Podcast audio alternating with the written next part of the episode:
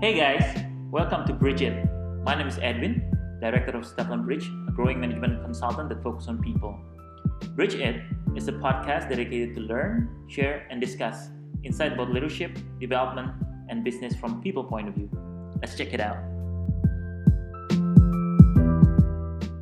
In this episode, we're going to talk about how to lead someone more powerful than you. Mas Ayok dan Mas Ebin kan udah lama ya uh, kayak bekerja di sebuah bidang kayak gitu ya. Aku mau bertanya uh, bertanya nih sama kedua speakers kita. Pertama, bagaimana sih kita bisa building credibility tadi? Tadi Mas Ayok dia sempat bilang kan, kita masuk ke tempat baru, building trust dan lain-lain. Bagaimana sih caranya kayak gitu? Karena jujur mungkin untuk orang yang baru masuk nggak semuanya tahu caranya dan mungkin harus uh, trial and error. Nah itu gimana sih caranya? Mungkin mungkin ya. saya aja dulu kali ya, uh, Mas Rifki. Uh, kalau menurut saya sih satu sih uh, konsistensi ya.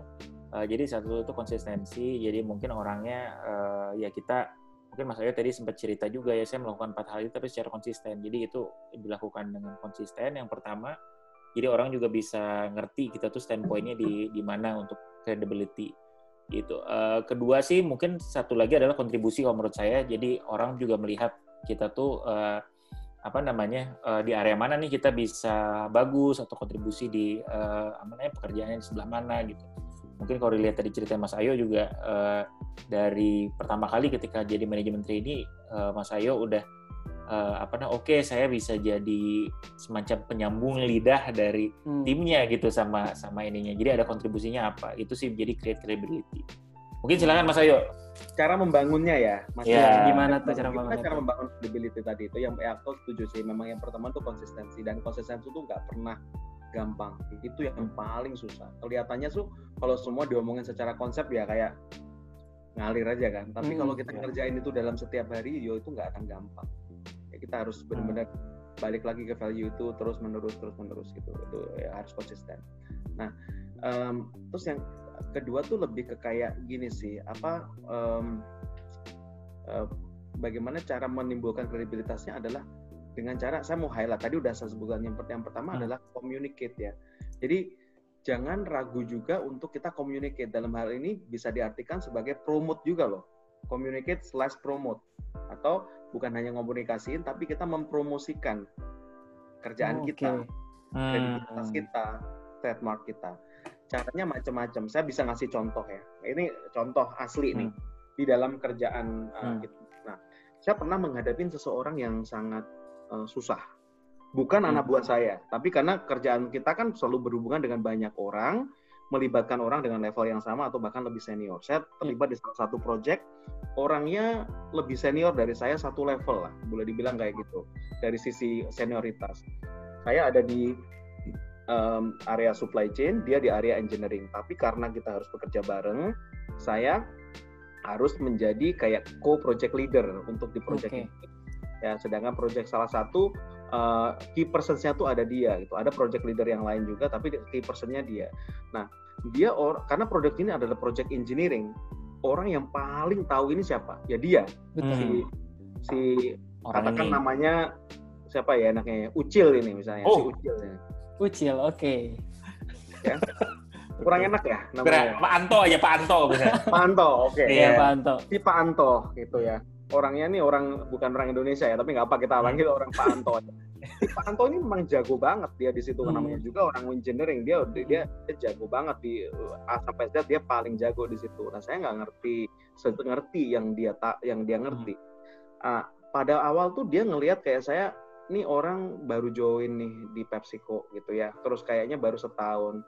Nah, kita hmm. datang ke salah satu meeting, dia malah kenal-kenalin saya ke orang-orang kayak gitu segala macam. Padahal saya saya tuan rumahnya juga pada waktu itu hmm. dia seakan-akan kayak oh aku lebih tahu ini lebih dulu dari lu gitu hmm. aku ada pabrik ini bahkan tiga tahun sebelum lu masuk yang bangun hmm. pabrik ini tuh gua dia bilang kayak gitu dia kayak gitu. jadi ada semacam menunjukkan bahwa gua tuh kayak gini gitu. Yeah. terus kemudian kita malas malas saya dikenal-kenalkan ke orang-orang di situ. Pada ya saya juga orang situ juga saya tahu orang-orangnya juga yeah. gitu. Ini orangnya orang lain bukan orang Indonesia malah kenalin saya di pabrik Indonesia yang jadi tanggung jawab saya. Itu hmm. agak kesel juga saya dalam yeah. hati gitu terus kemudian di dalam pekerjaan selalu kayak gitu. Ada beberapa di meeting tuh dia kayak saya merasa terkesan diremehkan. Kayak oh dia kayak ngerti banget gitu terus kemudian Hmm. ketika ngomong kayak gini saya dia bahkan nggak ngelihat saya jadi dia ngelihat sesuatu, apa gini-gini jelasin sesuatu saya nggak dilihat dia ngomong sama partner-partner kita yang lain para supplier eh, para eh, apa namanya eh, apa bisnis partner Hmm. kita segala macam dijelasin nggak sekalipun dia ngelihat ke saya atau menanyakan bagaimana pendapat saya terhadap itu Hmm. Oke. itu agak mengesalkan itu tapi saya Mhm. ngerti juga oh ini mungkin karena memang dia ngerasa saya cetek dalam bidang, dalam bidang ini oke fine Eh, sekali dua kali itu terjadi seperti itu ternyata sering kayak gitu dia Hmm. akan Oke.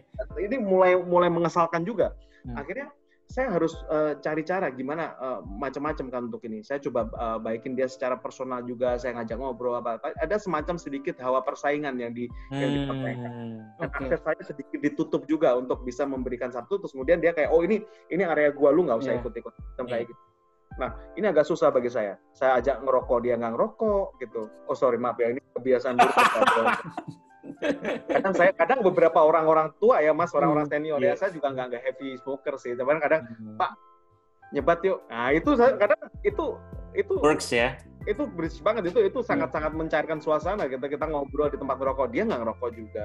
Saya coba untuk eh, yang lain misalnya ngobrolin musik ya dia nggak suka musik juga gitu. Jadi Hmm. jadi em, saya coba Dari untuk cari hal ya, celah-celah di mana saya bisa mendekati secara sosial nggak bisa dari sisi em, eh, apa namanya knowledge ya saya pasti nggak nyambung dia pasti jauh lebih jago Hmm. Nah akhirnya ada occasion di mana kita waktu itu di ada acara bareng di Bangkok. Ini project masih berjalan, Hmm. terus kemudian kita sama-sama diundang acara di Bangkok. Ada conference em, para lead se Asia Pasifik kan. Jadi Hmm. memang kayak gitu kayak eh, ada eventnya. Di saat itulah saya mikir kayaknya ini em, eh, tempat di mana orang-orang para bos berkumpul, ya orang at least level saya atau di atas saya. Hmm.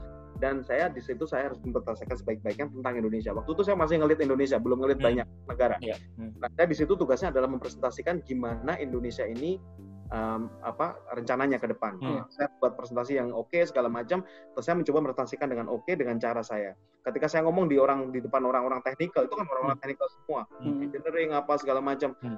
Saya ngomong tentang bisnis, sesuatu yang nggak mereka ketahui. Hmm. Ya. Hmm. Kenapa saya tahu bisnis? Karena saya orang supply chain, saya dekat dengan orang Hmm. marketing, saya dekat dengan orang sales. Ada hal yang nggak mereka ketahui atau mereka nggak savvy, saya Hmm. bungkus itu, saya kemas dengan dengan cara saya, saya saya Hmm. menyampaikan dan setelah presentasi saya, alhamdulillah satu ruangan Hmm. mereka memberikan apresiasi yang cukup bagus. Mereka tepuk Hmm. tangan, Wah, oke. bos saya juga langsung congratulate di depan umum, "Oh, this guy ya, segala macam lah bosnya Hmm. kayak kayak gitu segala macam. Jadi sebutannya sangat positif dan orang itu ada di sana. Wow. Ya. Wow. Orang itu ada di sana. Nah, setelah saya turun dari panggung presentasi, Hmm. dia langsung like give me a high five, man. That was a dope presentation, man. That was a dope one. Dia dia ngajak high five. Gue bilang, oh thanks, man. Langsung high five. Dan sejak saat itu, man, sejak Ya. saat itu, hidupku sama dia udah baik banget. Oh, beda banget ya. Udah beda banget. Nah, di sinilah aku mikir, ini kenapa sih orang kok jadi baik banget sama gua? Hmm. Dia respect banget, dia nanyain, eh yuk lu butuh ini nggak apa segala macam, kita ngobrol yuk segala macam. Dia malah yang kayak gitu-gitu. Hmm. Nah, setelah aku lihat-lihat nih, Mas Hmm. Rifki, Mas Rifki, ternyata ada beberapa impact dari situ. Yang pertama communicate. Aku susah communicate directly ke dia. Hmm. Aku lewat jalan lain nih Hmm. ke orang-orang lain, bahkan yang more influential. Kalau Hmm. orang-orang yang jauh lebih senior appreciate aku, dia nggak punya choice dong. Oh, Bos-bos I aja see. meng-appreciate gue. Hmm. Ya kan? Betul, Terus- betul. Emang dia ngapain? Dia mau tetap sirik ya itu bukan pilihan. Akhirnya dia melihat, oh anak ini punya nilai nih di Hmm. sisi lain yang gue nggak punya, yang dia diapresiasi sama bos-bos dan dia jago di dalam hal ini. Hmm. kayaknya respectnya nambah ke gua. Ya, Hmm. dia melihat saya menjadi lawan bicara yang setimbang, walaupun Hmm. disiplin kita berbeda. Nah, di situlah semuanya jadi berubah. Itu salah satu contoh deh. Nah, itu Hmm. nyebutnya kalau mau dimasukin, nggak tahu tuh dari sisi sosial atau knowledge, tapi mungkin Ya. gabungin dari keduanya gitu. Oke, oke. Mungkin Mas Rivi aku pengen nanya juga nih Boleh tertarik nih boleh. Mas Ayo nih ya. Hmm. Eh, jadi kan Mas Ayo banyak nih dari mulai jadi manajemen trainee gitu kan. Orangnya beda-beda lah. Hmm. Orangnya beda-beda. Yang pertama lebih senior, belum lagi sekarang mungkin banyak negara kan culture-nya juga beda-beda.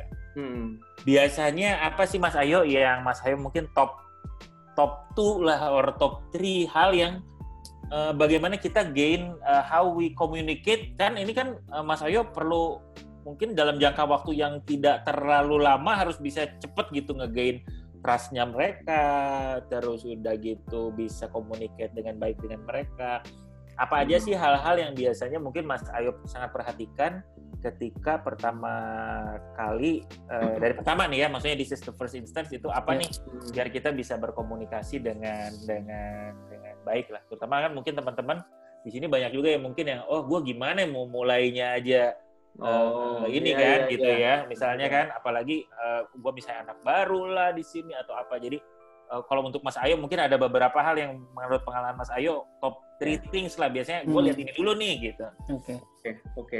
Mungkin em, sebetulnya rumus bakunya sih cukup seder nggak ada ya mas atau budaya Oh, iya, saya iya. itu cukup sederhana banget. Saya nggak tahu ini bahkan apakah ini em, sesuatu yang akan menjadi eh, key points you know, bagi Iya. banyak orang. Tapi saya saya ambil ini sederhana sekali. Hmm. Yang pertama adalah ketika kita di satu tempat dan kita pengen untuk mendapatkan influence secepat-cepatnya atau gaining trust secepat-cepatnya. Yang pertama adalah saya eh, balik ke prinsip saya yang pertama adalah tentang respect everyone, fear no one. Itu yang saya Hmm. yang saya yang saya pegang teguh dari dulu. So saya saya akan respect semua orang dan saya nggak akan pernah takut ke semua orang. Apakah bos, apakah big boss, apakah siapa pun yang orangnya senyarem apa pun saya nggak mau takut sama dia. Tapi saya respect ke dia. Dan saya juga respect ke bos saya as much as saya respect my subordinate. Jadi Hmm, saya akan respect semua orang juga gitu. Dari mau atas sama bawah segala macam I treat them like the way I want to be treated. Ya, Oke. gitu. Aku kasih contoh. Contohnya yang pertama adalah tentang misalnya ketika ngasih tugas ke bawahan. Kalau gua pernah nih dikasih tugas sama bos, yuk nih tak kasih tugas.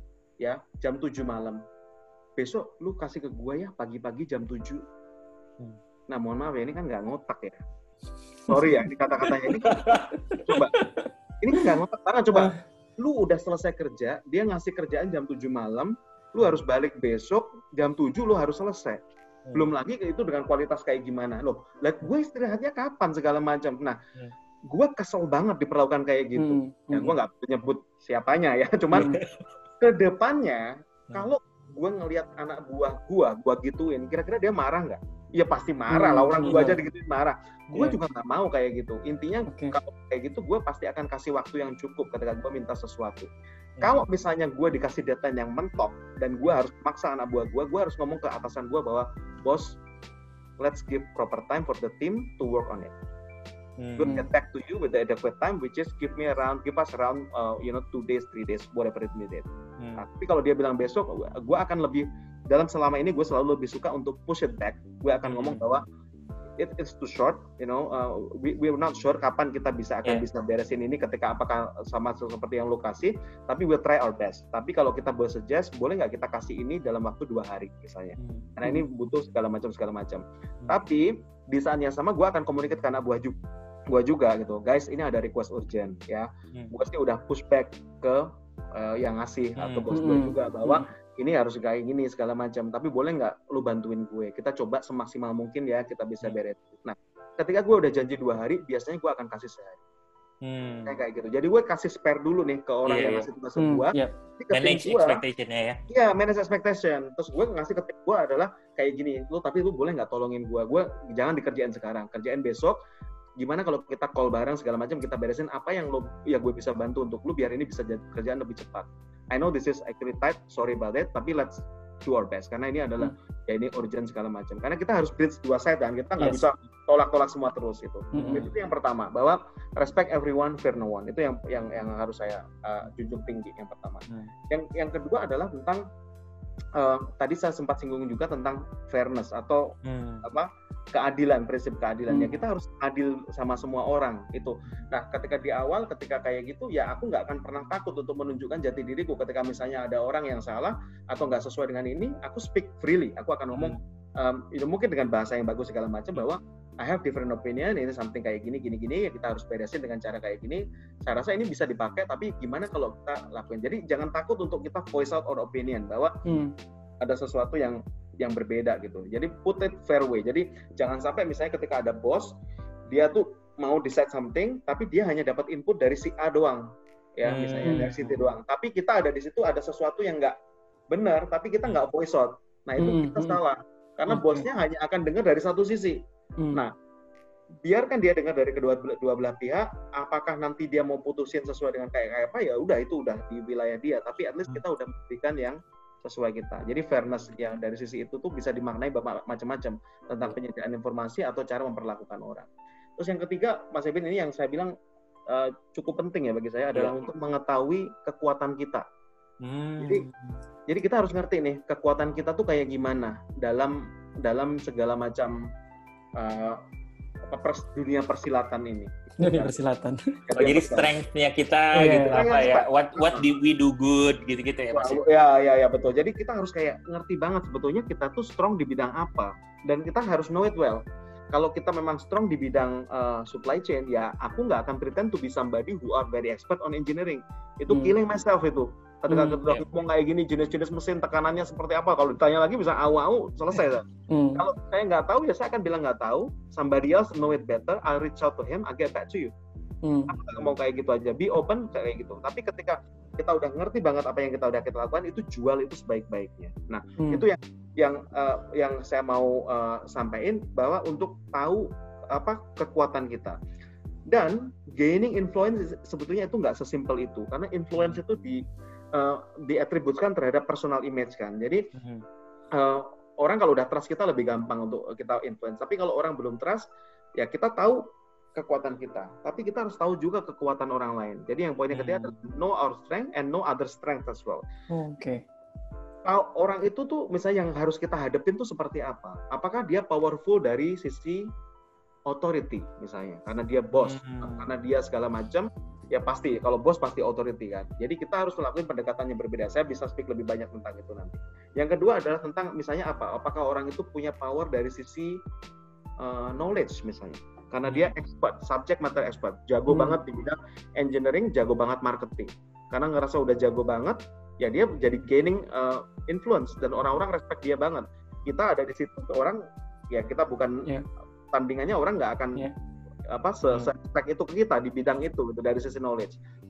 Yang ketiga uh, knowledge kita uh, sorry sebelum ke yang ketiga yang kedua knowledge kita beda misalnya tapi kita nanti hmm. akan posisikan kita jual dengan baik biar orang tahu kita juga punya nilai tambah. Yang ketiga adalah apakah orang itu punya kekuatan dari sisi network misalnya.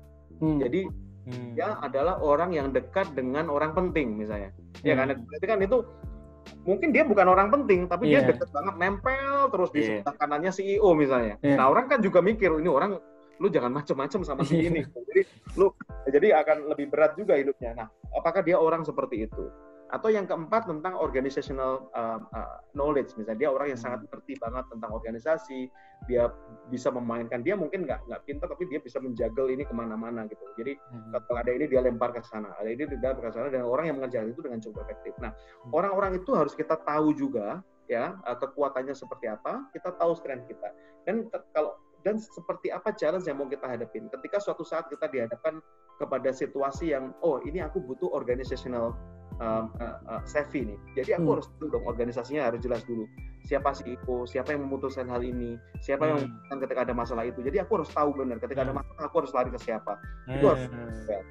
Social networking harus bagus banget juga. Kita harus dekat dengan semua orang, kita uh, dekat dengan semua orang, kita uh, uh, ramah apa segala macam. Yang ketiga kita punya specific knowledge. Yang keempat ya mungkin kalau authority kita susah ya karena hmm. kan itu udah di layer level masing-masing. Jadi yeah. ya iya. udah terima jadi. Jadi mungkin tapi kita harus mungkin kata saya cara yang bisa dilakukan dan untuk mendekati ini uh, bisa ke hal yang lain seperti hmm. misalnya kita minta uh, uh, consultation misalnya hmm. tentang ke orang yang lebih uh, apa uh, kuat. Jadi katakan sama bos kita dan kita pengen menginfluence dia. Secara otoriti kan dia lebih gede nih. Ya. Jadi kita mungkin kita bisa akses price. Orang kadang kalau dimintai pendapat hmm. malah dia seneng kan. Yeah. Dianggap sebagai orang penting gue yes, betul betul ya, jadi dia merasa lebih dekat sama kita gitu jadi caranya kayak gitu masing-masing punya apa treatment sendiri-sendiri